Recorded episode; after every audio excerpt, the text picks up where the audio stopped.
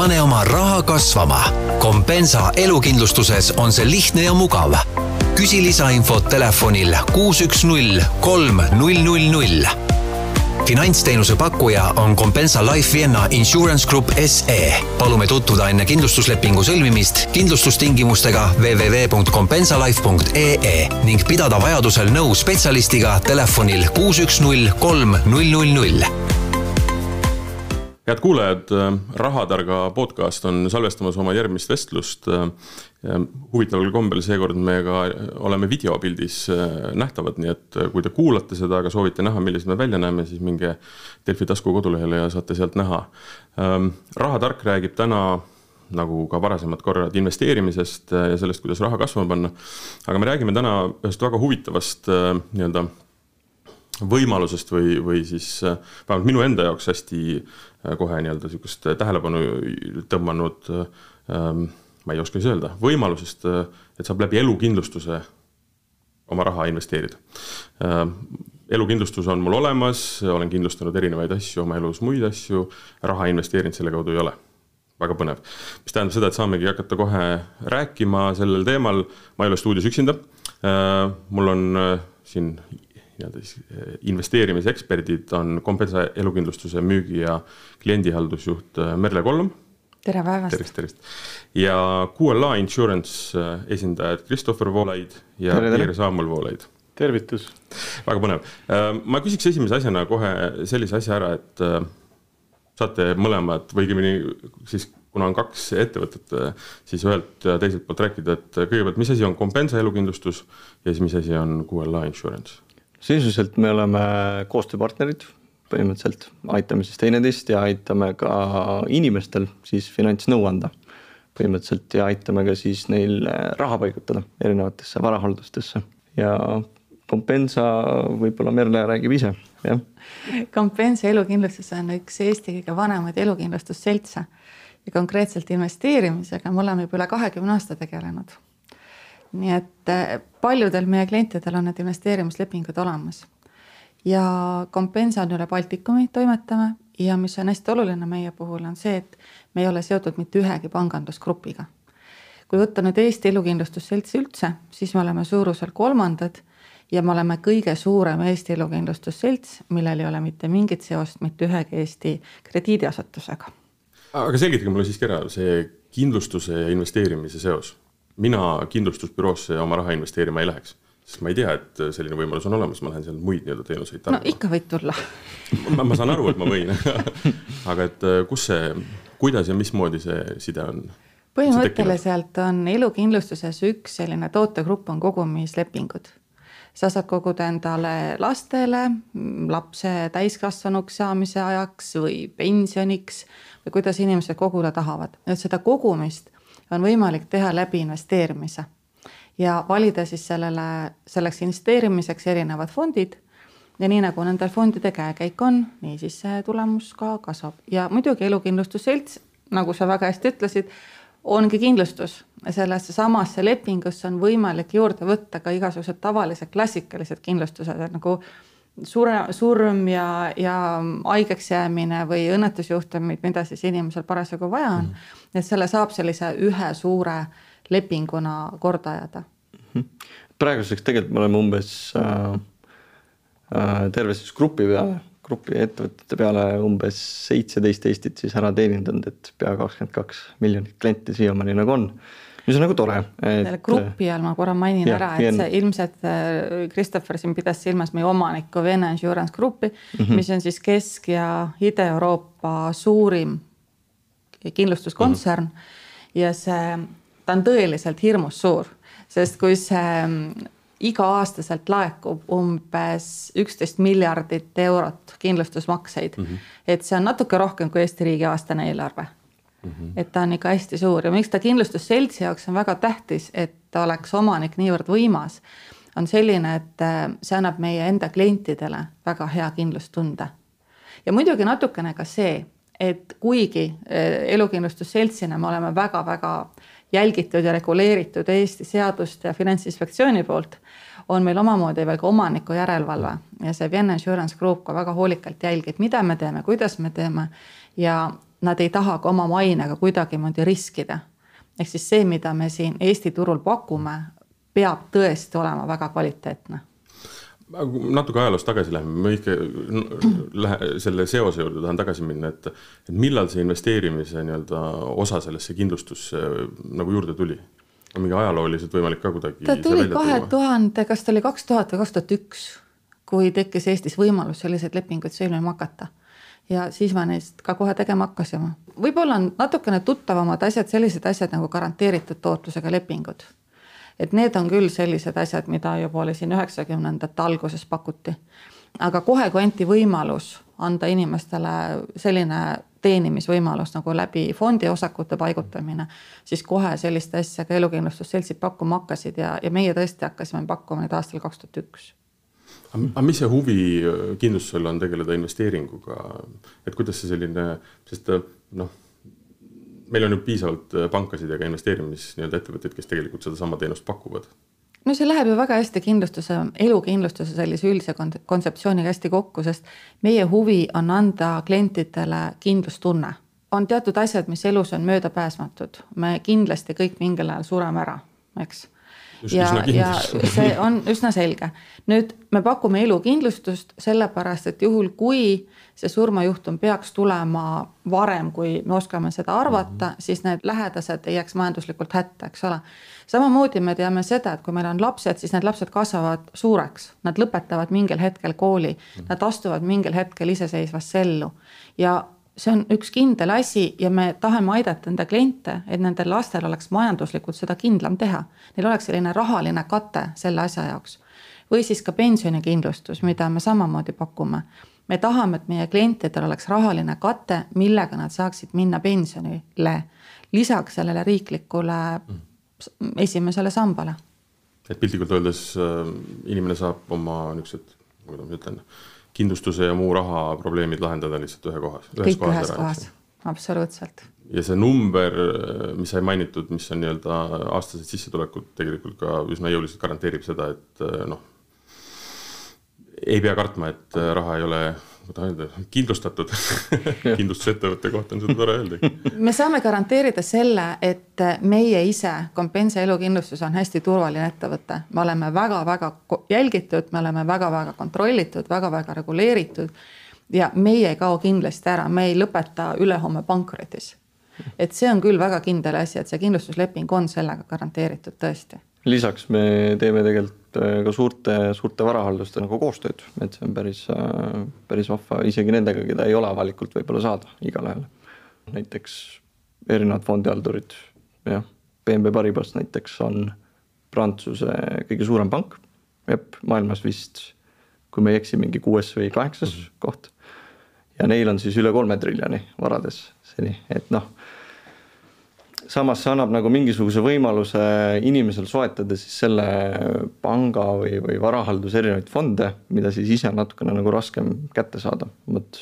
see ongi see meie eristumise koht, et me ei ole seotud ühegi Eesti pangandusgrupiga mm. -hmm. et eh, kui me võtame siin suured finantsinstitutsioonid, mis meil täna Eestis on, nendel on kõigil omaenda fondihaldurid ja nad pakuvad iseenesestmõistetavalt omaenda fonde et meil ei ole selliseid piiranguid ees, me saame valida üle maailma. meil on olemas tööl selline inimene, kelle ülesanne on jälgida maailma turgusid, et need fondid, mida meie pakume, oleksid tõepoolest väga-väga mm. hästi ennast tõendanud.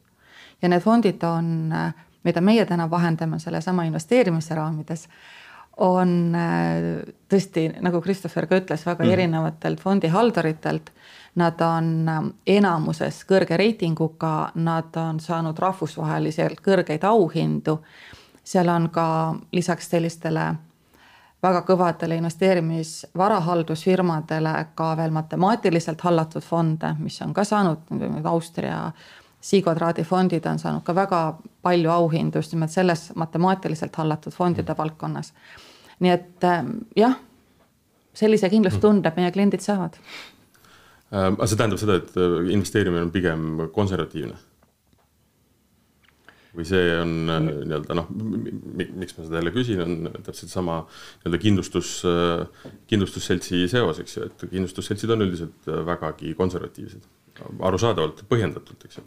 see on sisuliselt tegelikult kõigile et seal on, kuna, kuna me pakume fonde, mis on väga erinevate strateegiatega ja, ja nii agressiivsetest kuni, kuni nagu madalama nii-öelda riskiga fondidesse, siis, siis, siis see on sisuliselt kõik, kõigile nagu mõeldud. ja, ja kui enne siin sai mainitud ka, Merle mainis, et, et kuna, kuna see, mida me pakume, on selline personaalne ja justkui nagu rätsepatöö siis nõustajate ja agentide töö ongi siis nagu välja selgitada, et, et mis riski või, või, või millise strateegiaga võiks, võiks siis see klient või inimene nagu investeerida. Selline väga huvitav toode, mida me ka tegelikult pakume, äh, mis, mis on uuesti populaarsust koguv, koguv., siis, äh, siis on kolmas sammas mm. -hmm. mis, mis võib-olla väga paljud inimesed ei tea, et pakume meie täpselt samamoodi. et mis on selle kolmanda samba võib-olla kõige suurem pluss, on ka see, et sul on võimalik saada, kui vähegi palka teenid, makse siis nii-öelda riigile maksad, on ju, siis on võimalik saada kakskümmend protsenti tulumaksu tagasi. ehk siis sisuliselt, kui sa mõtled niipidi, siis äh, iga aasta oma sissemaksud, sisse makstud summade pealt kakskümmend protsenti tootlust. mis on nagu ka selline üks äh, üks selline päris populaarne asi, mis, mis väga paljudele klientidele ka meeldib. mis tuligi tegelikult enne kui teine sammas, see on nagu naljakas mm -hmm. jah ongi, kui vähegi inimene tahab koguda, siis noh, kõik need, kas investeerimisfestivalil või kus iganes, kõik alustavad sellest, kas sul kolmas sammas on mm. -hmm. ja noh, sealt edasi on ju, et lihtsalt nüüd inimene saaks valida omale sobiva siis äh, strateegia ja siis selle riski, riskitaseme, et kuidas talle sobib, aga meil nagu selle jaoks ongi meil inimesed täpselt, kes siis äh, aitavad siis inimesele välja selgitada, kuidas täpselt midagi tegema peab, teda on niimoodi, kuidas ma ütlen, nagu personaalne käepikendus talle, et iga kell mingid finantsküsimused on, kõne peale joonistad, kirjutad, helistad ja. miks ma seda konservatiivsust äh, nagu küsisin, ongi see, et, et kellele see, ma saan aru, et tegelikult nende teenuste ring on üsna lai, eks ju, et, et võib-olla ongi halb küsida, aga samas ma küsin, et, et kellele see mm, nagu mõeldud on läbi elukindlustuse, läbi siis kompensa nii-öelda invest-, oma raha investeerimine ja, ja, ja millest alustada? kõigile. ja alustama peab sellest, et tuleb võtta telefonitoru ja meile helistada. ja sobib kõigile? sobib kõigile, ta on tõesti selline, et ta sobib sellele nõndanimetatud laisale investorile, kellele sobib see, et ta maksab iga kuu ja mm. maksab ja unustab mm et see sobib selleks väga hästi, aga ta sobib ka nendele investoritele, kes tahavad jälgida ja, ja miks nüüd kindlasti just meie toode on jube hea nendele, on see, et kui on selline investor, kes tahab jälgida ja osta ja vahetada neid fondiosakuid, siis meie juures saab seda teha puhasväärtusega, ehk siis ei ole mingeid ostu- ega müügitasusid, et see läheb NAV-iga. ja see on ka väga oluline argument asja juures, et kui ma noh, ma ikka väga soovitan muidugi kõigil jälgida, ka nendel laiskadel investoritel, et ei juhtuks sellist asja, et see fond läheb kogemata mingisugust noh, talle mittesobivas suunas, eks ju. et kindlasti on hea kas enda silm peal pidada või siis helistada enda nõustajale, küsida, kuule, arutame läbi. kuule, ole hea, vaata, mis mul seal lepingus on, et kas see, need paigutused on praegu nagu okeid või peaks ma neid nüüd tulema kuidagimoodi ringi vaatama meil ei ole robotannikat, et helistad robotannikale, siis on, tahate eesti keeles, vajutage üks, tahate vene keeles, vajutage kaks, tahate kaardid, vajutage üks, tahate mingid laenud, vajutage kaks. vabandage, kõik liinid on hetkel hõivatud, helistage palun hiljem tagasi. et sellist olukorda meil ei teki. iroonilisel kombel täna hommikul ma just täpselt ühe siukse jada ühe kindlustusettevõttega läbi tegin. frustreeriv, ma saan aru jah um,. aga vastus sellele, et millal alustada, et äh, mul jäi see küsimus meelde, et see on, see on alati noh, see maagiline küsimus, noh millal ma siis alustan. vastus on eile. jah, täpselt, et äh, kui mitte eile, siis võiks ju täna midagi nagu teha, on ju, et äh, vähemalt mitte siis tulevikus ma, oh, oleks pidanud, et, et noh. mainitud sai seda personaalset äh, nii-öelda nõustamisteenust, et hakkaks võib-olla, mina olen nüüd see inimene, kes äh, tahab oma raha paigutada, tuleb kompensasse mm, -hmm. mis saama hakkab, mismoodi nii-öelda, kuidas, kuidas see jada nii-öelda siis edasi käib, mis mulle, mis nõu antakse, kuidas see kõik nagu laabuma hakkab? kõigepealt äh, tervitame. võtame, võtame vastu soojalt ole, ole Martin, soovin investeerida. pakume kohvi. istume maha ja, ja hakkame üldse vaatama, et äh, mis, mis, mis kogemus võib üldse on olnud investeerimise puhul, mis, mis on sinu jaoks oluline millist riski sina kui potentsiaalse investorina suudaksid taluda. et need on need kõik asjad ja meil on ka vastavad, kuidas ma siis ütlen, ka sellised küsimustikud, mille põhjal siis saab väga hästi aru, et, et mida võiks siis kliendile nagu soovitada, mida võiks nagu pakkuda sisuliselt ja kliendi vajadustest lähtuvalt saame me ka aidata tal koos otsusele jõuda. et vajadused ongi kõige olulisemad, et, et mida sellel kliendil on rohkem vaja, kas ta tahab äh, koguda, kas tal on mingi kindel eesmärk, mille jaoks ta tahab koguda, kas tal on mingi kindel ajahorisont, mille jaoks ta tahab koguda. kindlasti, kui ta tuleb elukindlustuse, siis me uurime välja ka selle, kas tal äkki oleks vaja mingit kindlustusvajadust. ja, ja need küsimustikud, mida Keir mainis, on, ega neid me ei tee salaja laua all kuskil, et me seda teeme ikkagi kliendiga mm, koostöös mm. -hmm. ja neid küsimustikke täites saab ka klient ise aru, võib-olla mõni küsimus on selline, mis paneb mõtlema ja, ja see annab aimu, et millised on need riskid investeerimisel või neid riske ei ole. sest üldiselt, kui inimesed ei ole veel investeerima hakanud, küllap nendel on tavaliselt mingi põhjus, üks põhjus on muidugi see, et on noh, ei ole aega olnud, on ja raiskus on peal olnud. aga üks väga suuri põhjuseid on ka see, et inimesed lihtsalt kardavad. ja, ja vot selle nõustamise käigus me saamegi läbi arutada, millised on need hirmud, mis inimesel üldse olla võivad ja, ja inimene saab rahulikult meile nendest asjadest rääkida. ja, ja võib-olla tõesti, võib-olla tõesti on üks inimene sajast või tuhandest, kes siis, kelle jaoks need, need riskid on sellised, et me koos leiame, et võib-olla see investeerimisrisk ei ole tema jaoks nagu parim lahendus. aga kui need asjad rahulikult läbi rääkida, siis äh,.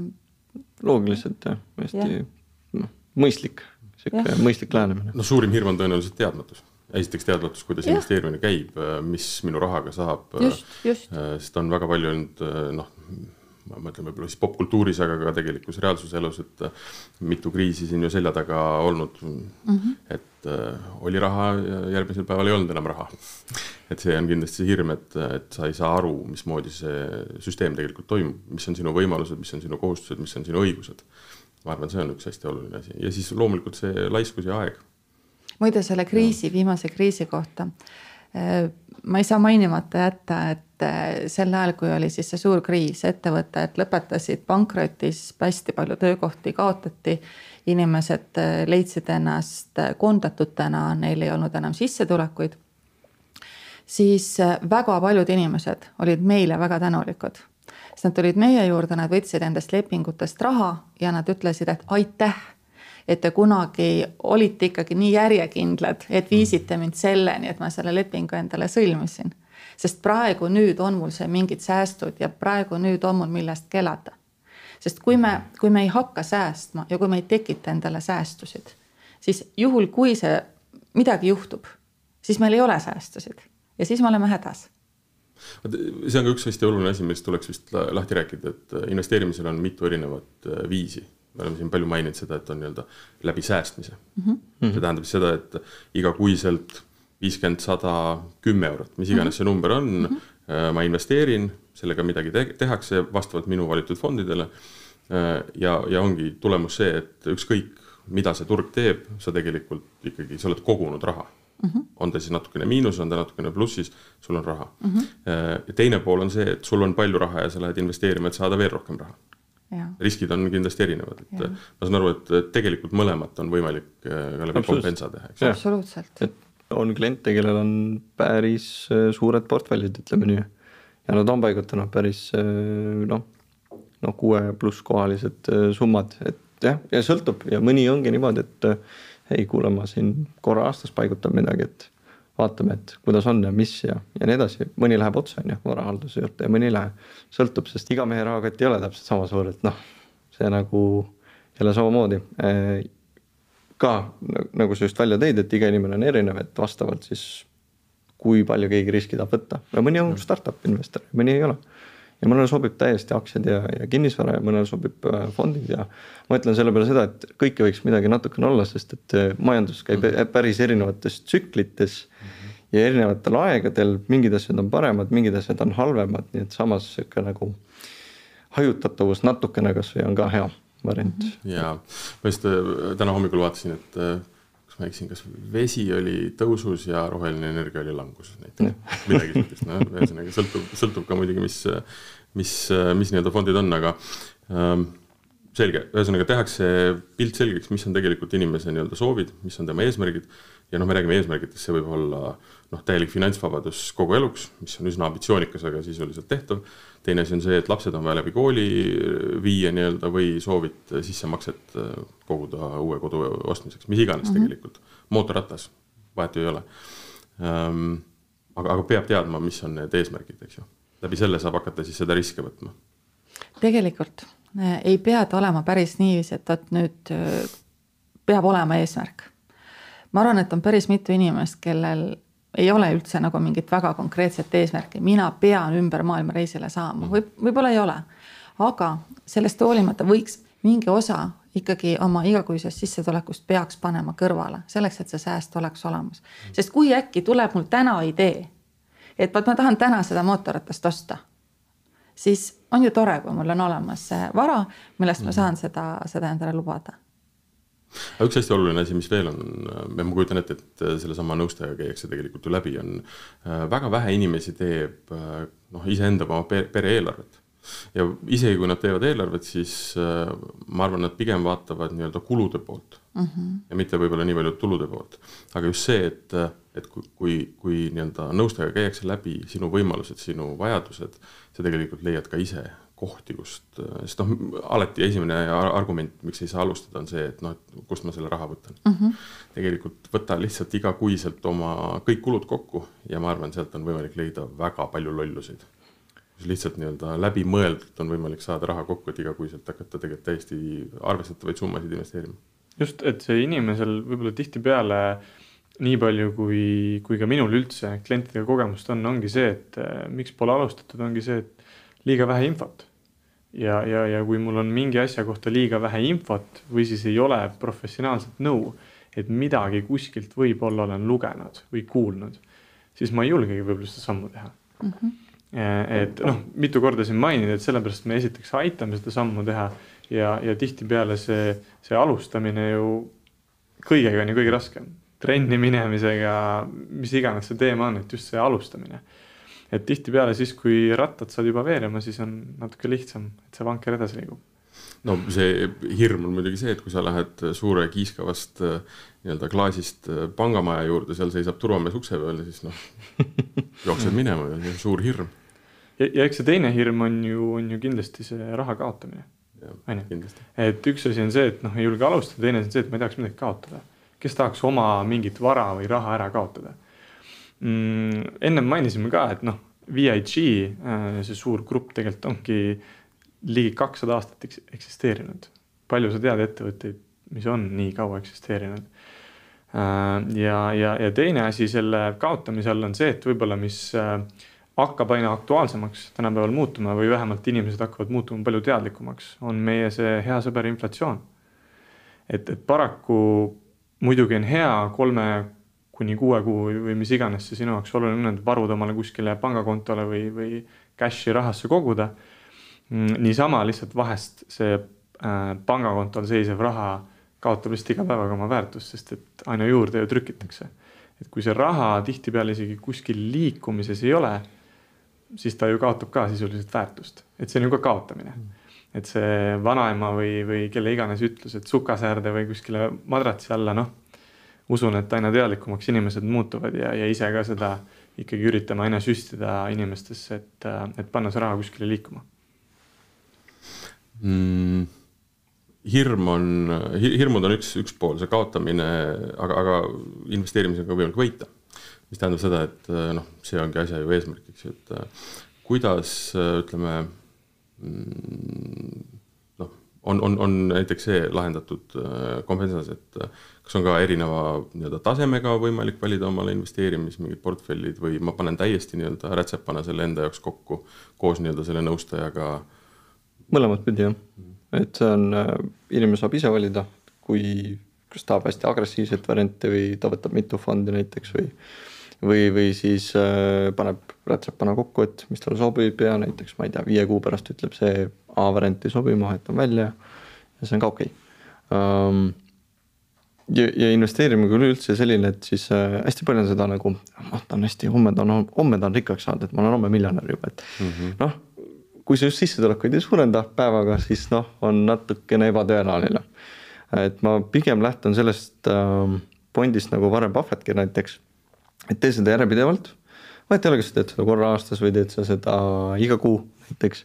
pigem oluline on see, et sa teed seda hästi järjepidevalt, pikemat aega ja mingi hetk hakkab sul see liitintress nagu ise sinu eest investeerima, kus sul raha hakkab sinu eest, nagu sihuke hea näide, et saadad oma sõdurit teele eh, nii-öelda sõtta ja siis nad tulevad hoopis sõduritega tagasi, mitte nad ei lähe kedagi siis nii-öelda maha laskma seal mm, -hmm. et mingi hetk lõpuks see nagu liitintress hakkab sul ise tootma ja see on nagu tore.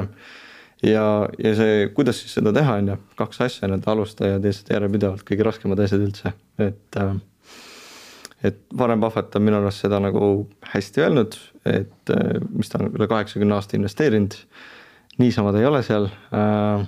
tal on selline väga hea äh, quote või, või lause ka, mis, mis mulle endale väga meeldib, on, et äh, see oli inglise keeles muidugi, aga äh, ole ahne, kui kõik teised on hirmul mm. -hmm ja ole hirmul, kui kõik teised on ahned. no see on üks põhimõtteline muidugi sihuke inimloomuse veidrus tõesti, kui nagu investeerimisest rääkida, siis kõik jooksevad ostma, kui on hinnad kõrged mm -hmm. ja hakkavad müüma siis, kui kukub kokku mm. -hmm. ja mina just praegu vaatan, et äh, suure rõõmuga, et varsti võiks ostma hakata. miks varsti, miks varsti, täna no,? olgem ausad, tegelikult võib-olla juba praegu jah, sest et ma olen pa, paar aktsiat, kus ma olen kaotanud, siis ma nüüd vaatan, et neid peaks nagu juurde ostma kuna ma usun nendesse ja, ja hinnad on täitsa kosmiliselt langenud. ja tegelikult nagu... on ju, tegelikult on ju turul korralik all, allahindlus. et äh, mitte, et see on täiesti võrdne näide, aga kui sul Sportland või mingisugune pood näitab miinus kakskümmend viis, oh, ma ostan. jah, muidugi sa pead nägema, kas võib-olla siis sellel fondil või aktsial, mis iganes su soov on, on ju, äh, on siis tulevikku ka et, et, et võib-olla ettevõte on kuskil hoopis teises suunas, et siis, siis võib-olla pole, pole nagu pointi aga üldiselt kiputakse seda, seda miinust nagu, nagu kartma. et tihtipeale tegelikult on ka väga hea aeg koht, kuhu, millal siis siseneda ja millal juurde osta. et äh, noh, kui juba naabrimees kuskil kõrval räägib, et seda osta, siis, siis võib-olla oled natuke hiljaks jäänud, et. ja, ja seal on võib-olla see point on ka nagu see, et et mõni teebki iga kuu, aga sellega ta teeb siis seda keskmist turuhinda mm -hmm. ja sellega ta samas nagu hajutab oma sellised nagu suured riskid ära pika aja peale, nii et noh teise samba loogika on väga lihtne, on ju, nelikümmend pluss aastat äh, iga kuu sinu palgast läheb, on ju. ja noh, lõpuks mängib ikkagi midagi välja, et sa nagu enamjaolt miinuses ikkagi ei ole. noh no,, pluss on kogunenud lihtsalt. täpselt, et noh, midagi on ikka plussis ähm,. See on ka üks variant on ju, hästi palju investeeritakse, ma ei tea, indeksfondidesse näiteks ja, või aktiivsetesse fondidesse, et kes, kuidas kellelegi meeldib ähm, ma ütleks nagu seda, et äh, vastavalt nagu maitsele, et kui sulle meeldib Nike'i jalatus on ju, või sulle meeldib Adidase jalatus on ju, siis noh. igal juhul sa teed sporti, lihtsalt vali omale see sobiv jalanõu. aga üks huvitav asi, mis mul praegu pähe kargas, on just see, et okei okay,, me rääkisime sellest, et äh, investeerima oleks pidanud hakkama eile. Äh, Kompensa pakub näiteks nii-öelda väga head siis personaalset nii-öelda nõustajat. aga sellel nõustajal on siiski nii-öelda ka eesmärk ta peab äh, mingit müüki tegema, ta peab nii-öelda kliente saama, siis äh, kui palju nii-öelda peaks inimene ikkagi ise nii-öelda investeerimise kohta teadma, et äh, noh, sest et võimalik on ju rääkida igasugust mõnusat mesijuttu ja, ja, ja et selleks, et raha kätte saada. Saan aru, mängus on nii-öelda ettevõtte nimi, mängus on ajalugu, kõik need asjad, eks ju, eeldus on, et seda ei tehta noh, pahatahtlikult, aga siiski kui palju võiks ise ikkagi investeerimisest teada enne seda, kui ka näiteks Compensasse tulla? mis asjad peaksid eh, nii-öelda endale selgeks ise tegema?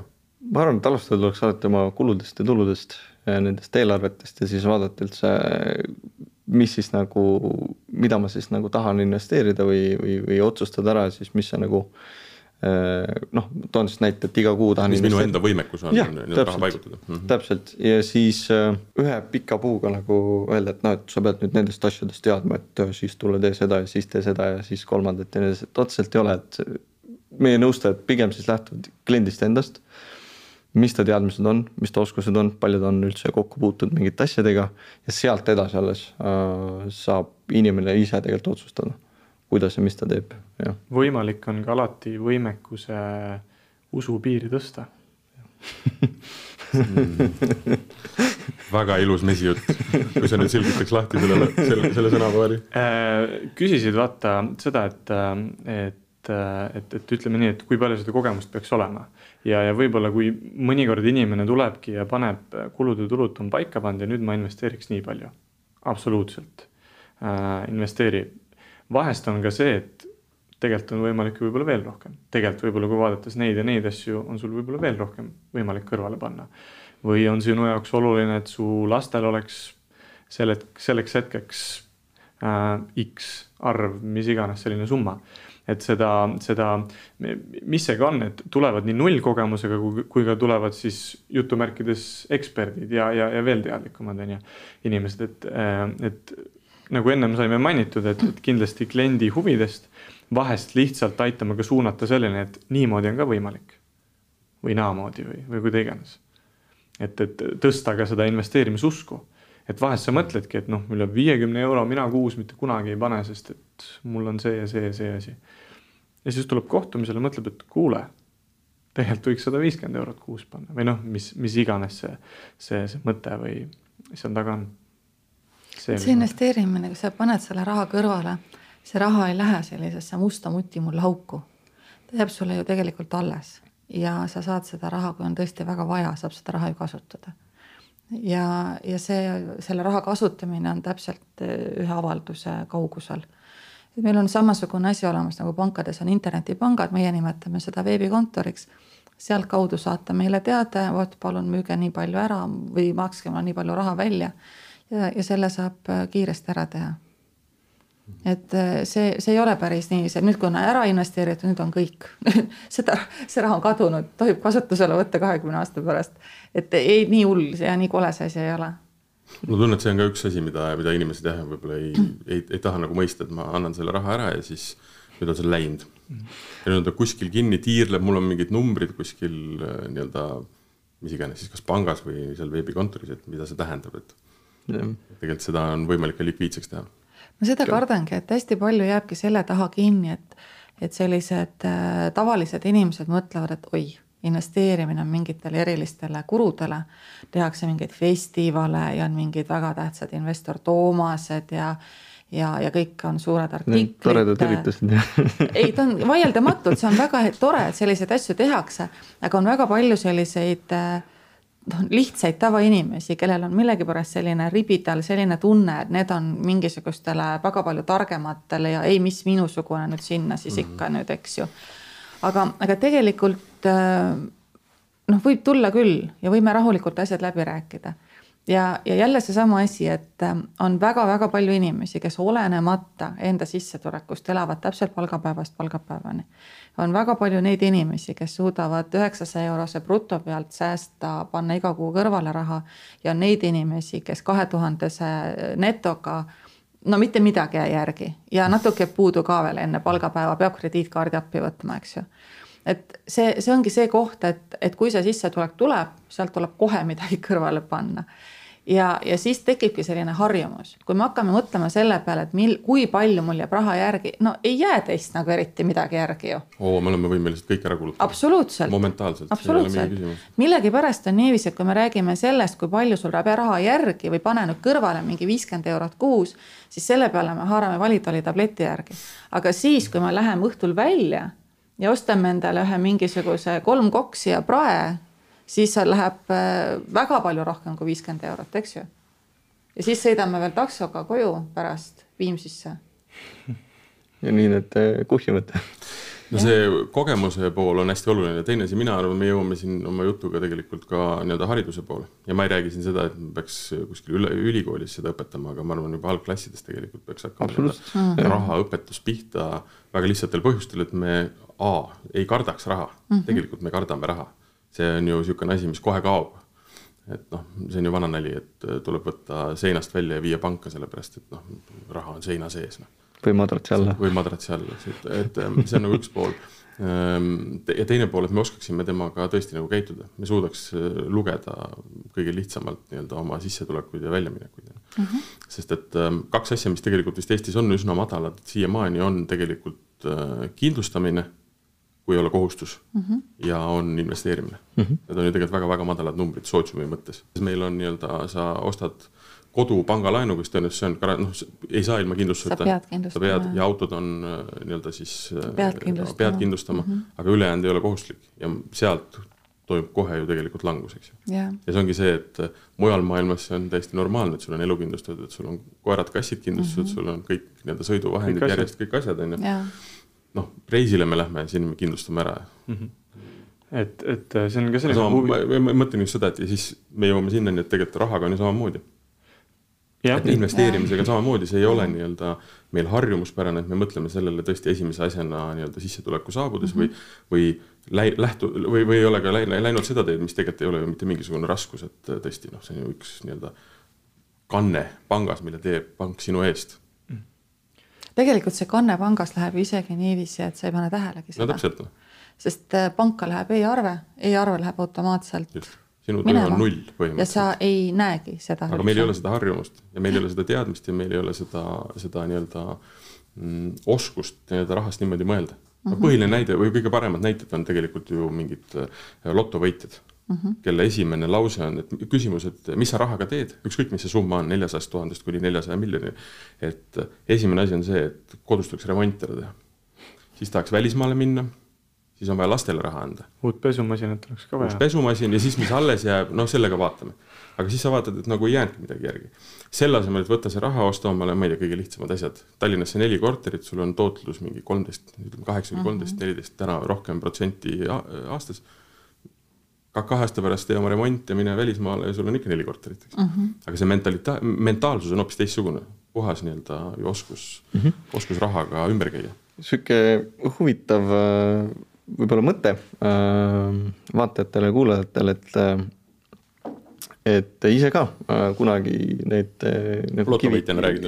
jah need kivid, kivid nagu läbi käinud ja, ja siis kuidagi nagu mõtlesin ümber, et okei okay,, et mis siis, kui äh, kui ma võtaks raha kui inimest, mis siis, kui ma võtaks teda kui inimest, kui nii-öelda oma kolmandat elukaaslast, jah. natukene mhm. selline noh okay., nagu nähtamatu elukaaslane. Lähen temaga välja, on ju, ostan süüa, ostan, ma ei tea, lähen autoga sõitma, on ju. noh, ta on ju mu kaasas kogu aeg, kas ta on mul telefonis või rahakotis või kus iganes.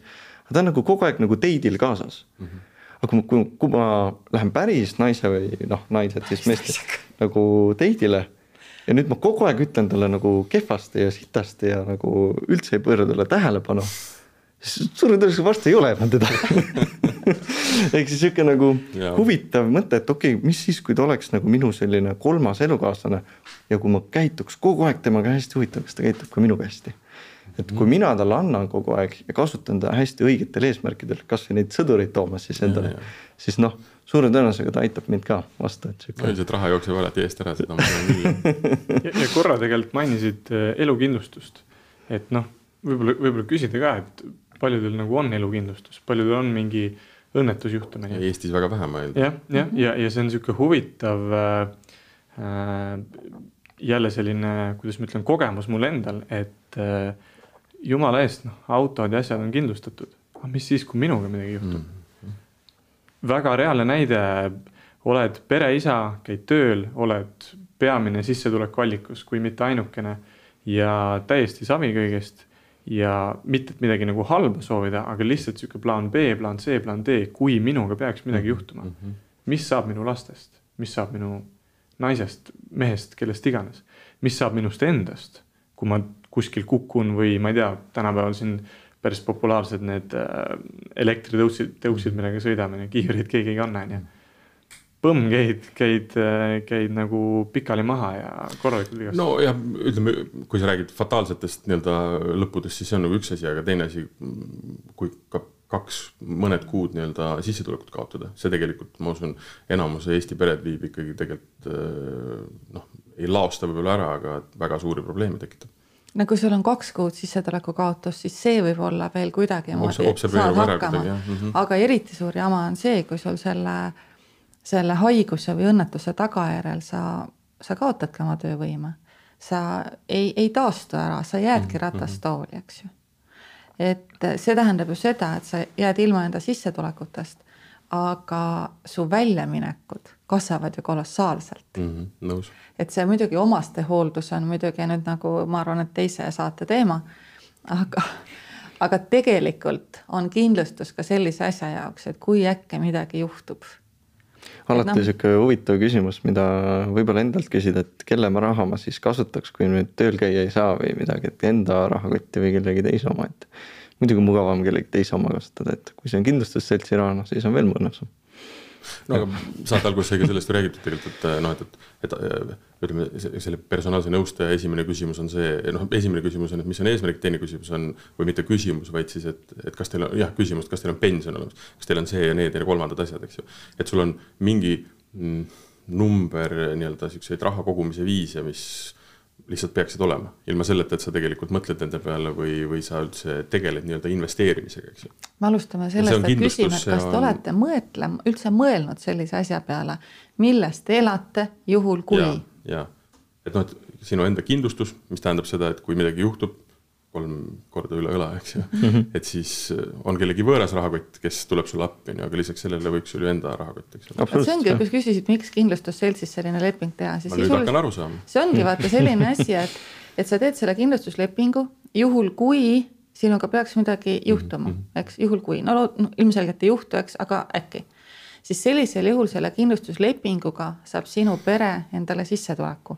Kui suure sissetuleku, selle otsustad sina mm. -hmm. kas sa tahad endale jätta aasta, kahe, kolme, viie suur, aastapalga suuruse summa, see on sinu valik, eks ju.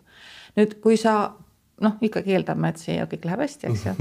jõuad sinna pensionipõlve, siis sellesama kindlustuslepinguga on sul kogunenud iseendal see raha kokku. et sisuliselt on niimoodi ka võimalik teha, et inimene teebki õnnetusjuhtumi lepingu ja sul on see kogumisfunktsioon juures, kaks ühes, mm -hmm. hea lihtne. Ja vaatab siis, okei okay,, näed, noh, toome näite, ilus, ilus näide, mitte kunagi midagi ei juhtunud mm. -hmm. aga nüüd on mingisugune reserv kogunenud ja nüüd mm -hmm. sisuliselt ta saab selle raha tagasi, mis ta tegelikult kindlustuse eest maksis. just. ahah, vot et sihuke võimalus on ka olemas, ütleme okay., et noh, noh, toome näite, maksab X eurosid kuus mingi osa läheb. kindlustuse eest. jah, mingi osa läheb sinna. elukindlustus, mis on nii-öelda täiesti normaalne tavaline teenus. Äh, maksan iga kuu mingi X summa. nii, ja paralleelselt? mingi osa läheb sellest siis sinna fondidesse või noh, investeerimisse siis lisaraha või sellest? sellest, no sellest läheb ja. mingi osa mm. -hmm. ja nüüd see ju hakkab omakorda mingisugust liitintressi tootma mm. -hmm. ja nüüd selle noh, kindlust saab Eestis kuni, mis ta oli, seitsekümmend midagi sinnakanti no,. sõltub, sõltub lepingu liigist, sõltub seltsist, seitsekümmend, seitsekümmend viis. ja nüüd noh, ütleme, et jõuan sinna pensioniikka, toome näite, mitte midagi ei juhtunud mm, -hmm. mitte mhm. kunagi mm, -hmm. olekski ju tühja maksnud, aga mingi reserv on nüüd okay.. sisuliselt saan ju raha tagasi, mis ma maksin. noh, normaalne jah, sisuliselt nagu tasuta kaitset või. ma oskan öelda, pange kirja mind um, aga jah mõned küsimused veel selles konkreetselt ütleme kompensa selles mõttes kohta, et mis, mis see teenus maksab? igal asjal on hind, eks ju, et kui ma nüüd astusin teie juurde sisse, rääkisime kõik need jutud ära, leidsime mm, -hmm. mis on minu kulud-tulud, mis on minu võimalused, investeerin, mõnus, mis see maksab mulle? see on hästi, sõltub sellest lepingust. keeruline küsimus, ma saan aru. eks ju, see sõltub sellest lepingust ja selle me räägime sellesama kohtumise raames kohe ära et äh, mida see konkreetne variant, mis sina nüüd välja valisid, mis asi see sulle maksma läheb mm. -hmm. aga ma võin kindlalt väita, et see investeerimine läbi, investeerimise osa läbi elukindlustuses ei ole üldse kohutavalt kallis tegevus. Sest mida pikemaks ta läheb, äh, seda, seda mõistlikumaks ja tagasihoidlikumaks need tasud lähevad. ja eelkõige hakkab siin mängima see, et see osakute ostmine ja müümine toimub NAV-iga me ei võta selle eest mitte absoluutselt mitte ühtegi lisasenti ja see just töötab. raha on kogunenud, kas te mhm. maksate dividende ka? Kuidas, kuidas vot see on see koht, kus sa ütlesid, et sul on aktsiad, eks ju, et sul on kaks aktsiat ja siis sa sealt pealt jah, sa oled, see dividend tuleb aktsiate pealt. no ma saan aru, et kuna hästi palju erinevaid teenuseid on, kuidas nii-öelda raha paigutada, siis tegelikult ja, küsimus ja. on õigustatud. täiesti, täiesti, dividendi saab aktsia pealt et kui sa oled aktsionär, sa oled ostnud endale, ma ei tea, Tallinna Vee või Tallinki aktsiaid, siis sa saad sealt pealt dividendi. kui sa teed selle investeerimise läbi elukindlustuse läbi Compensas, siis sa valid endale fondid ja fondide puhul sa ostad endale fondiosaku. ja sinu teenistus tuleb sellest, mismoodi toimub selle fondiosaku hinnamuutus mm. -hmm. et kui sa ostad endale fondiosaku, maksab sada eurot, sel hetkel, kui sa hakkad müüma, maksab ta sada kümme eurot, siis see tootlus ongi vot see kümme, kümme eurot sealt vahepealt mm. -hmm. ja selle dividendi mõttes, äh, kui tahaks midagi tagasi saada vahepeal, siis nagu enne sai mainitud, kolmas sammas. paned kolmandasse sambasse näide tuhat eurot aastas ehk siis kolmanda samba see reegel on selline, et kui sa paned kuni viisteist protsenti oma aasta brutosissetulekust mm -hmm. kuni kuus tuhat eurot, sa saad kakskümmend protsenti tulumaksu tagasi mm. -hmm. ehk siis tuhat eurot paned, on ju, iga tuhat eurot paned aastas, mis on kuuskümmend, seitsekümmend eurot kuus, on ju. kaks sotti saad tagasi. lihtsalt selle pealt, et panid fondi, olenemata, kas fond siis on miinuses või fond on plussis, mis ta lõpuks sul välja kujuneb, aga iga aasta saad nagu mitte dividende, aga saad riigilt tulumaksu. saad raha tagasi. just mm. -hmm ja sellest me natuke rääkisime, et ütleme, igal hetkel põhimõtteliselt saan ma kogu selle oma portfelli likviidseks teha ja minema jalutada. absoluutselt. loomulikult. selle hind on, on see ka siis eri, erinevalt nii-öelda hinnastatud või, sest et ütleme noh nii-öelda kiiresti raha nii-öelda fondidest väljavõtmine võib see, see nüüd, tuua äh, kaasa erinevaid nii-öelda riske või probleeme. kordan, tehingud fondidega, NAV-iga see on ühekordne teenustasu, kas ta oli nüüd äkki kolmteist eurot või ta oli kakskümmend mm -hmm. eurot? osaline, osaline väljamakse. osaline väljamakse on kolmteist ja lõpetamine oli kakskümmend, lepingu lõpetamine. enneaegne enneaegne lõpetamine, just no,. aga muide, mis puudutab selles elukindlustuse, siis mm, -hmm. siis minu, minu mantra, mida ma ikka kasutan praegu värskeid kõrvu, on see, et elukindlustuslepingut ma soovitan teha kõigile hästi noorena ja teha see hästi pikaks ajaks. mida varem, seda parem. mida varem, seda parem ja teha ta pikaks ajaks, mitte viieks aastaks või kolmeks mm -hmm. aastaks mm. -hmm vaid ähm, elukindlustus on selline asi, et kui see leping on teil olemas, siis seda hinda ei saa enam selle aja jooksul muuta ja, ja kui te lepingut sõlmite, siis vaadatakse üle, vot te olete täna nii noor, nagu te olete, nii terve, nagu te olete. hädad ja haigused tulevad meile aastatega. ja, ja kui teil on see leping olemas ja siis teist tulevad need hädad ja haigused külge, siis te lepingu hinda enam muuta ei saa mm. -hmm, mm -hmm. et ähm, see on jah, see mõte, kui, kui te enam ei taha seda lepingut, lõpetage ära. aga, aga soovitan kindlasti ära sõlmida ja sellesama investeerimislepinguga muide ongi täpselt seesama asi, et te võite teha selle investeerimislepingu, valite sinna sellise elukindlustuskaitse, kogu see raha, mis te panete, lähebki ainult elukindlustusse.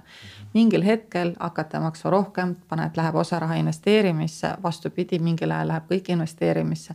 seda saab kõike seal sees kombineerida, kui tekivad mingisugused lisavõimalused eh, pannakse, tehakse suuremaid sissemakseid, praegusel ajal fondid on maas, võiks osta siis võib teha korraga sellesse lepingusse suuremaid sissemakseid. ja, ja seesama asi, mida Keir on juba mitu korda välja öelnud, on seesama kolmas sammas. on ju tänapäeval lähevad need töösuhted järjest paindlikumaks, et neid inimesi, kes töölepinguga töötavad ja saavad iga kuu regulaarselt mingit sissetulekut, neid jääb ju järjest vähemaks ja selliseid enda ettevõtlusega tegelevaid inimesi tuleb järjest juurde mm. -hmm ja, ja väga mõistlik on kolmandat sammast teha meie juures niiviisi, et lööme siis aasta lõpus kokku, palju mul neid äh, sissetulekuid on olnud mm., paljud, palju on seda, neid sissetulekuid, mille pealt maksud on makstud arvestan sealt viisteist protsenti ja, ja teen kolmekümne esimesel detsembril ülekande mm. -hmm. ja, ja tuleb sealt kohe kõpsti veebruaris või märtsis, kuidas siis inimene viitsib ise endale selle tuludeklaratsiooni ära täita, maksuamet kannab kohe seal kakskümmend protsenti tagasi, nii et sa ei pea kahte kuudki ootama, kui saad kakskümmend protsenti sissemaksest tagasi.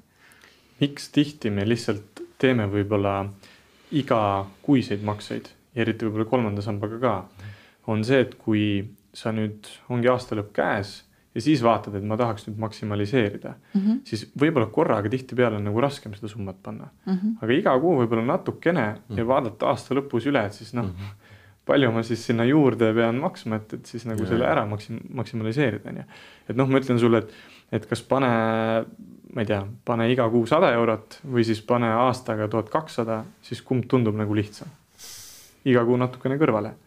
et sellepärast, sellepärast on see päris populaarne ka ja no natukene ka see pool, et kui sa paned iga kuu sada, siis sa, sa võtad maha endale selle riski, et sellel hetkel, kui sa paned tuhat kakssada, on kogemata äkki see fond äh, väga hea hinnaga või tähendab -hmm. väga kallis või väga-väga üleval mm. -hmm. et, et selliste suurte summade paigutamisel ongi see kõige suurem risk, kui sa enne küsisid, millised riskid on, eks ju.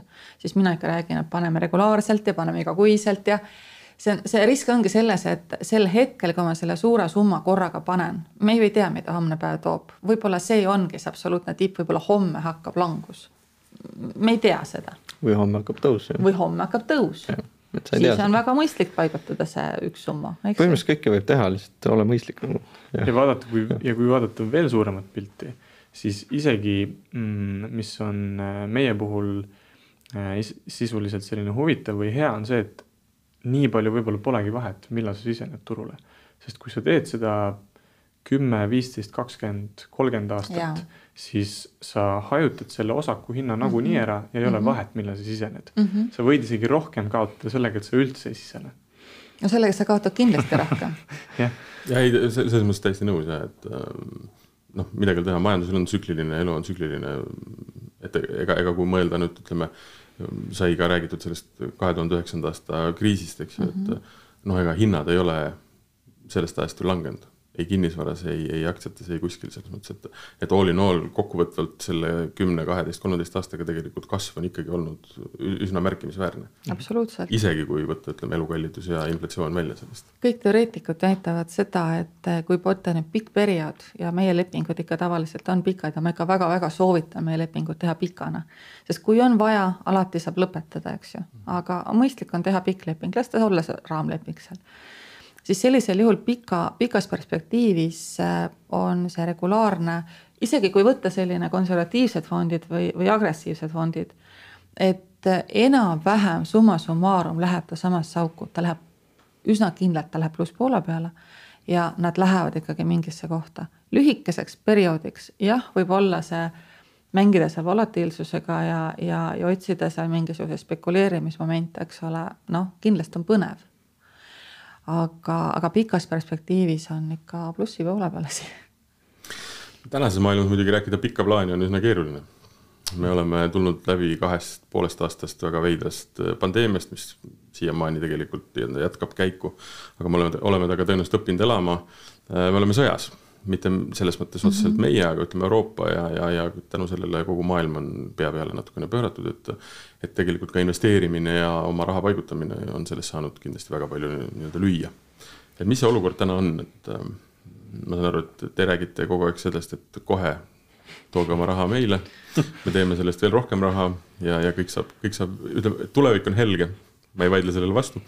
aga et äh, kui vaadata nagu reaalset pilti, siis tegelikult äh, noh, inflatsioon on laes. Äh, hinna, ütleme, turud on maas, segadust on palju. Martin, ma luban sulle, helista mulle ükskõik millisel päeval aastas ja ma ütlen sulle iga jumala päev vähemalt viis põhjust, miks ma ei saa täna koguma hakata.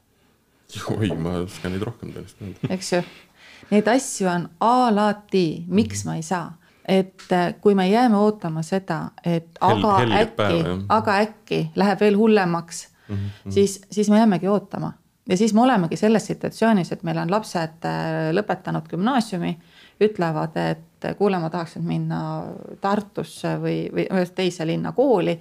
meie ütleme, ups, aga mul ei ole sulle seda üüriraha anda, kallis laps või, või me lõpetamegi seal, et me avastame, et ups, me oleme nüüd kuuskümmend viis aastat vanad või, või seitsekümmend võib-olla meie vanused vist peavad nii kaua juba tööl käima.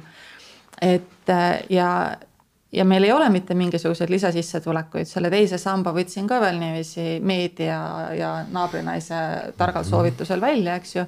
ja ma elangi oma riiklikust pensionist. et me peame alustama hoolimata sellest, et meile tundub, et meil täna ei ole raha ja meile tundub, et võib-olla läheb homme hullemaks. ja võib-olla ütleb meile sõbranna, ütleb ka, et kuule või, või sõber, et äh, kuule, mis asja, teeme parem ühe peo. et ähm, tuleb alustada. mulle ikka meeldib hirmsasti üks lugu, ma jälle kasutan juhust, räägin. mul oli üks äh, hea tuttav, täna teda enam meie käest tal ei ole, aga ta on pärit Indiast ja tema ikka rääkis kogu aeg sellest, et tema isa õpetas niiviisi, et poiss, kui sa saad endale kümme dollarit, sa pead panema ühe dollari kõrvale, sa pead igast oma sissetulekust panema küm, ühe, kümme protsenti kõrvale. ja tema hakkas vastu, et mis asja, kuule kümme dollarit on niigi nii vähe ja kui ma siit veel panen ühe ära, no siis ma sellest üheksast ei jää mul absoluutselt mitte midagi siis järgi. ja selle peale siis ise õpetas niiviisi, et jah, aga kui sul ei ole seda kümmet dollarit, kui sul on päev, millal sa ei saa mitte mingit sissetulekut, siis sul on see üks dollar ja sa saad sellest midagigi endale mm. -hmm. ja see on see asi, mida me tegelikult peame endale kogu aeg meeles pidama, et meil on vaja säästusid. et need säästud peavad olemas olema, kas need säästud on paigutatud Compensa elukindlustuse investeerimislepingusse või need säästud on paigutatud kinnisvarasse, millest täna on juttu olnud või need on paigutatud mingisugusesse aktsiasse. aga meil peavad olema mingisugused säästud see konkreetne asi, millest meie täna siin räägime, on lihtsalt väga mugav, väga lihtne, väga mugav, väga inimlik ja, ja väga-väga toetatud nende samade personaalsete nõustajate poolt, eks ju, ta on väga turvaline. sa ei pea kartma, et aga äkki ma ostan vale fondi, aga äkki ma ostan valest kohast, aga äkki ta on liiga kallis, aga äkki on vale aeg. ja, ja ega ma tegelikult ei tea ka, kust osta mm. -hmm selle raha paigutamisega nii-öelda kuskile silme alt ära on, on, on tegelikult, ma, ma, ma paralleel tuua, ma olen elus kolm korda hakanud veinikeldrit omale looma ja siin oli jutt peost, et need on kõik lõppenud ühe suure peoga. Väga, väga halvasti mis tähendab seda, et nad olid mul lihtsalt kodus, aga kui nad oleks olnud kuskil ära kellegi teise keldris kuskil, siis nad oleksid siiamaani alles. mul ei ole kahju, need peod olid väga, väga lahedad, aga, aga, aga veinidest on kahju, sest neil oli päris huvitavaid, huvitavaid asju, mida jah, nagu täna mul ei ole mm. -hmm. et see on jah, sihuke silme alt ärasaamine, siis on alati, alati kindlam tunne, et ta on natukene kellegi teise käes ja sa ei saa kohe nii-öelda võib-olla siukse eksprompt mingi tuju ajal mingeid asju teha mm. -hmm. see on ka hästi-hästi oluline. Ehm, aga noh, see antud olukord, sõjaolukord jah, et noh, see muudab vist pigem nagu suhtumist, inimeste suhtumist äh, minu arust no, inimesed nagu... on isegi veel rohkem andma hakanud viimasel ajal, et äh, ja lähedastest rohkem hoolima hakanud, et mis mul siis naabril nagu toimub mm.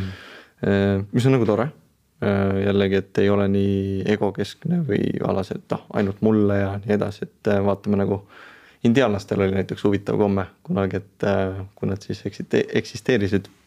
et kui ma tegin süüa, siis ma tegin ka naabrile igaks juhuks mm. ja siis vastupidi, siis naaber aitas vastu, kui oli vaja, et sihuke mõnus teineteisest hoolimine, investeerimisega ma arvan sama asi, et et kui kõigepealt... kogu, siis kogu ka naabrile. jah äkki tal on rohkem tolku võib-olla ta ostab sulle hoopis midagi vastu, et aga seda ei maksa küll lootma jääda, et naaber kogub sulle ka. ei, jah, ei tasu, tuleb ikka iseendale koguda um,. ma hakkasin küsima seda, tahtsin küsida seda, et kui, kui, ähm, kuna tegemist on kindlustusseltsiga, eks ju, et siis kas äh, läbi selle on võimalik oma äh, Äh, nii-öelda investeeringut ka kuidagi, kuidagi ära kindlustada. on mingi selline toode ka veel olemas, kus äh, saab veel nagu lisakatte peale panna? peaks olema vist varakindlustuse teema rohkem, et me tegeleme puhtalt inimesega, tema siis investeerimisega mm -hmm. ja siis varaselts rohkem tegeleb siis sellega, et mis su varad on ja kus ja, ja nii edasi, et, et ähm, ma ei usu hästi, et sellist kindlustust üldse on olemas, ma ei ole küll kuulnud, et sellist asja on olemas. jah, on küll tegelikult. on või? on, on, et okay.. no need hinnad on tõenäoliselt jah, Eestis ta vist nii populaarne ei ole, aga et kui sa lähed Inglismaale või, või kuskile mujale, et siis seal on ikka üsna. no kui sa oled ikka väga laia rahakotiga, siis ma arvan, et nad mõtlevad ka sellele asjale, et samas, kui sul just kütusepumpa maja taga ei ole, siis ei ole vahet vist, et nii et jah. ma jätsin siia saate lõppu ühe, ühe kommi veel. ma tean, et see on ka arust üsna võimatu nii-öelda sihuke adekvaatne vastus sellele küsimusele anda, aga et, et mingisugused sellised noh, me rääkisime, et on hirmud, võtame, neid on vaja maha võtta, inimesed äh, kuidagi väga võib-olla ei mõtle selle investeerimise peale, et ähm, aga kui rääkida sellest, mis on võimalik saada, siis kohe tekib huvi, eks ju mm. -hmm. et ähm, mis see teeni-, teenistusvõimalus on, ütleme investeerimisega? Mm, järjekordselt, nagu ma ütlen, see on täiesti võimatu sellele vastata, sest et fondid on erinevad, ajad on erinevad, see ja too, aga ütleme, luua mingi kesktee lihtsalt äh, ma kujutan ette, et äh, teil on ka seal olemas mingisugune sihuke noh, me rääkisime siin saateväliselt rääkisime äh, investor Madisest, eks ju, kes võiks olla üks kõige keskmine eestlane, kes tahab raha paigutada, et natukenegi mingisuguseid numbreid, nad ei pea olema üldse komakohtadega ega, ega väga mm -hmm. reaalsed, aga ütleme, et noh, ma tulen. mis see siis atraktiivne tootlus on? et mis atraktiivne tootlus on ja mis ma, mis võiks olla minule kasu et raha paigutamine, säästmine absoluutselt arusaadav, elu kindlustamine ka arusaadav. no üks on parem kui null, on ju, et absoluutselt.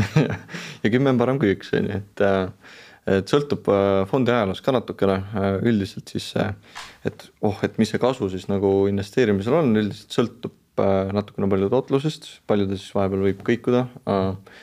ja nüüd ongi erinev igal inimesel, et kas ta tahab niisugust stabiilset kuus, seitse, kaheksa protsenti, mis tavaliselt näiteks üüriturg suudab teha või siis pigem sihuke natukene riskantsemalt viisteist pluss protsenti vaadata, on ju, mõni on täitsa hull, paneb kohe kolmsada protsenti või paneb lotosse või. et investeerimine nagu ratsarikkaks tegelikult ei ole ähm,. lotopiletid see ei ole, et see on pikaajalisem protsess, mitte siis üks-kaks päeva, võib-olla mitte nädal ja aasta, vaid sealt edasi. aga fondide poolest äh, võib-olla Saamel, sul oli, tahad täpsustada, et mis mõni fond on teinud äkki? Noh, meil on, meil on, meil on fonde äh, nii erinevaid, meil on äh, ütleme nii sellise võlakirja suunaga, mis on võib-olla pigem mõeldud vara säilitamiseks, meil on, meil on fonde, mis on teinud kümne pluss kaheteist aastaga ligi kakssada protsenti tootlust. Äh, mis on nagu hirmuäratavalt kõrge mm, -hmm. keskmiselt aastas mingi neliteist koma viis või viisteist on ju, et see on päris korralik. aga, aga kui lihtsalt võib-olla numbrid nagu paika panna ja, ja võib-olla iga aasta ma ei tea, sada, sada eurot kuus näiteks panna kõrvale, on ju, ja ütleme nii, et see oletuslik äh, tootlus võiks olla näiteks seitse, siis, siis sisuliselt see summa võiks seal ligi sada viiskümmend tuhat olla, miks mitte. just ta sõltub alati ju sellest, et millal sa selle raha siis välja võtad, eks ju. et meil oli eelmine aasta, olid siis, kui need äh, fondide ralli oli, eks ju. meil mingid fondide tootlused olid siis seitsekümmend protsenti, kaheksakümmend protsenti seal mõned jah, viiskümmend, kuuskümmend, et. ja seal oli õhku sees mm. -hmm. seal, aga, aga kui nüüd olla, kui, kui minna nüüd sellise spekulatiivse loomu peale, siis äh, jälle ostmine-müümine on meil naviga mm, -hmm. siis sellisel juhul sa võtad ja, ja võtadki endale selle kuuskümmend protsenti tootlust või kaheksakümmend protsenti tootlust, eks ju jah, et meil on äh, väga erinevaid varahalduseid, et äh, võib-olla see on natuke reklaam teistele, aga meil on ka Eesti varahalduseid nagu LHV privaatportfell ja, ja Avarani või KV Kapital, et mm. -hmm. ja on ka välismaalt, et on äh, Soome ja, ja, ja, ja Prantsusmaa varahalduseid ja, ja nii edasi, et investeerivad erinevatesse regioonidesse, mõni paneb Aasiasse, mõni paneb Aafrika suunda mm, -hmm. Lõuna-Ameerika, Ameerika, no USA on tavaliselt kõige mm -hmm. sihuke, et oh, Microsoft ja Apple ja Amazon ja Euroopas, et on ka väga palju investoreid, kes sihivad tegelikult seda Põhjamaade turgu, Rootsi, Norra ja Soome ja Soome. et seal on head tootmisettevõtted või praegu on see kivisöe ja, ja metallitööstus nagu väga üles läinud seal ja on ka neid fonde. ja, meil on, ja meil on ka, meil on ka fond näiteks, mis okei okay,, kümme, kaksteist aastat mõnda ei rahulda, et noh, seal võib-olla on kriisi üle elanud, võib-olla mitte, on ju.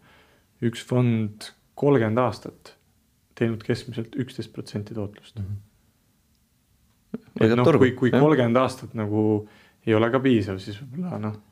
no vot, enne käis ma, see niisugune lause läbi, et, et võtan, võtan raha välja, et kui võtan raha välja mm, -hmm. ma ei tea, sada viiskümmend tuhat on ju. Mhm. noh, tegelikult keegi ju nii väga ei käitu mis tähendab seda, et tegelikult idee ongi jõuda punkti, kust sa hakkad tegelikult intressist elama et sul on mingi summa raha jah, kui sa tahad teha suurema väljamineku, sul on see raha olemas, aga tegelikult selleks, et eksisteerida, sa ei kasuta seda raha, mis kasvab, mis kasvatab mm. -hmm. see puu jääb ikkagi nii-öelda maasse, sa kasvat-, võtad kasutada ainult seda vilja, mis ta toodab, eks ju.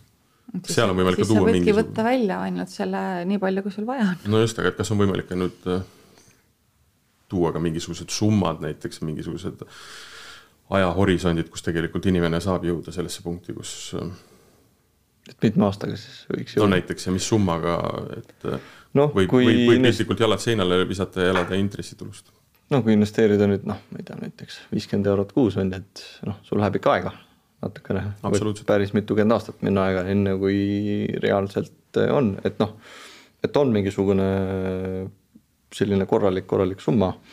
Äh, ütleme, see on sihuke hea nagu, kuidas ma ütlen hästi lihtsalt, hea punkt, et, et investeeri võimalikult tihedalt võimalikult suuri summasid, selleks, et sa suuri summasid saaksid on vaja nagu sissetulekut ka nagu tõsta, on ju, või siis kas sa kasutad siis sedasama tootlust ja intressi, mis sa oled saanud ja siis reinvesteerid seda, et noh, see on ka variant.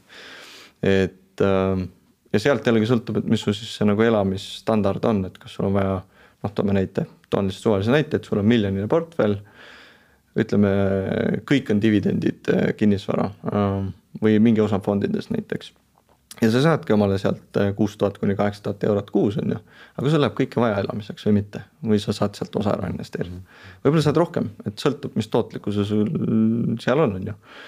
Ähm, ja hea vastus on nagu see, et äh, nagu ma enne ütlesin, et investeeri võimalikult suuri summasid võimalikult tihedalt.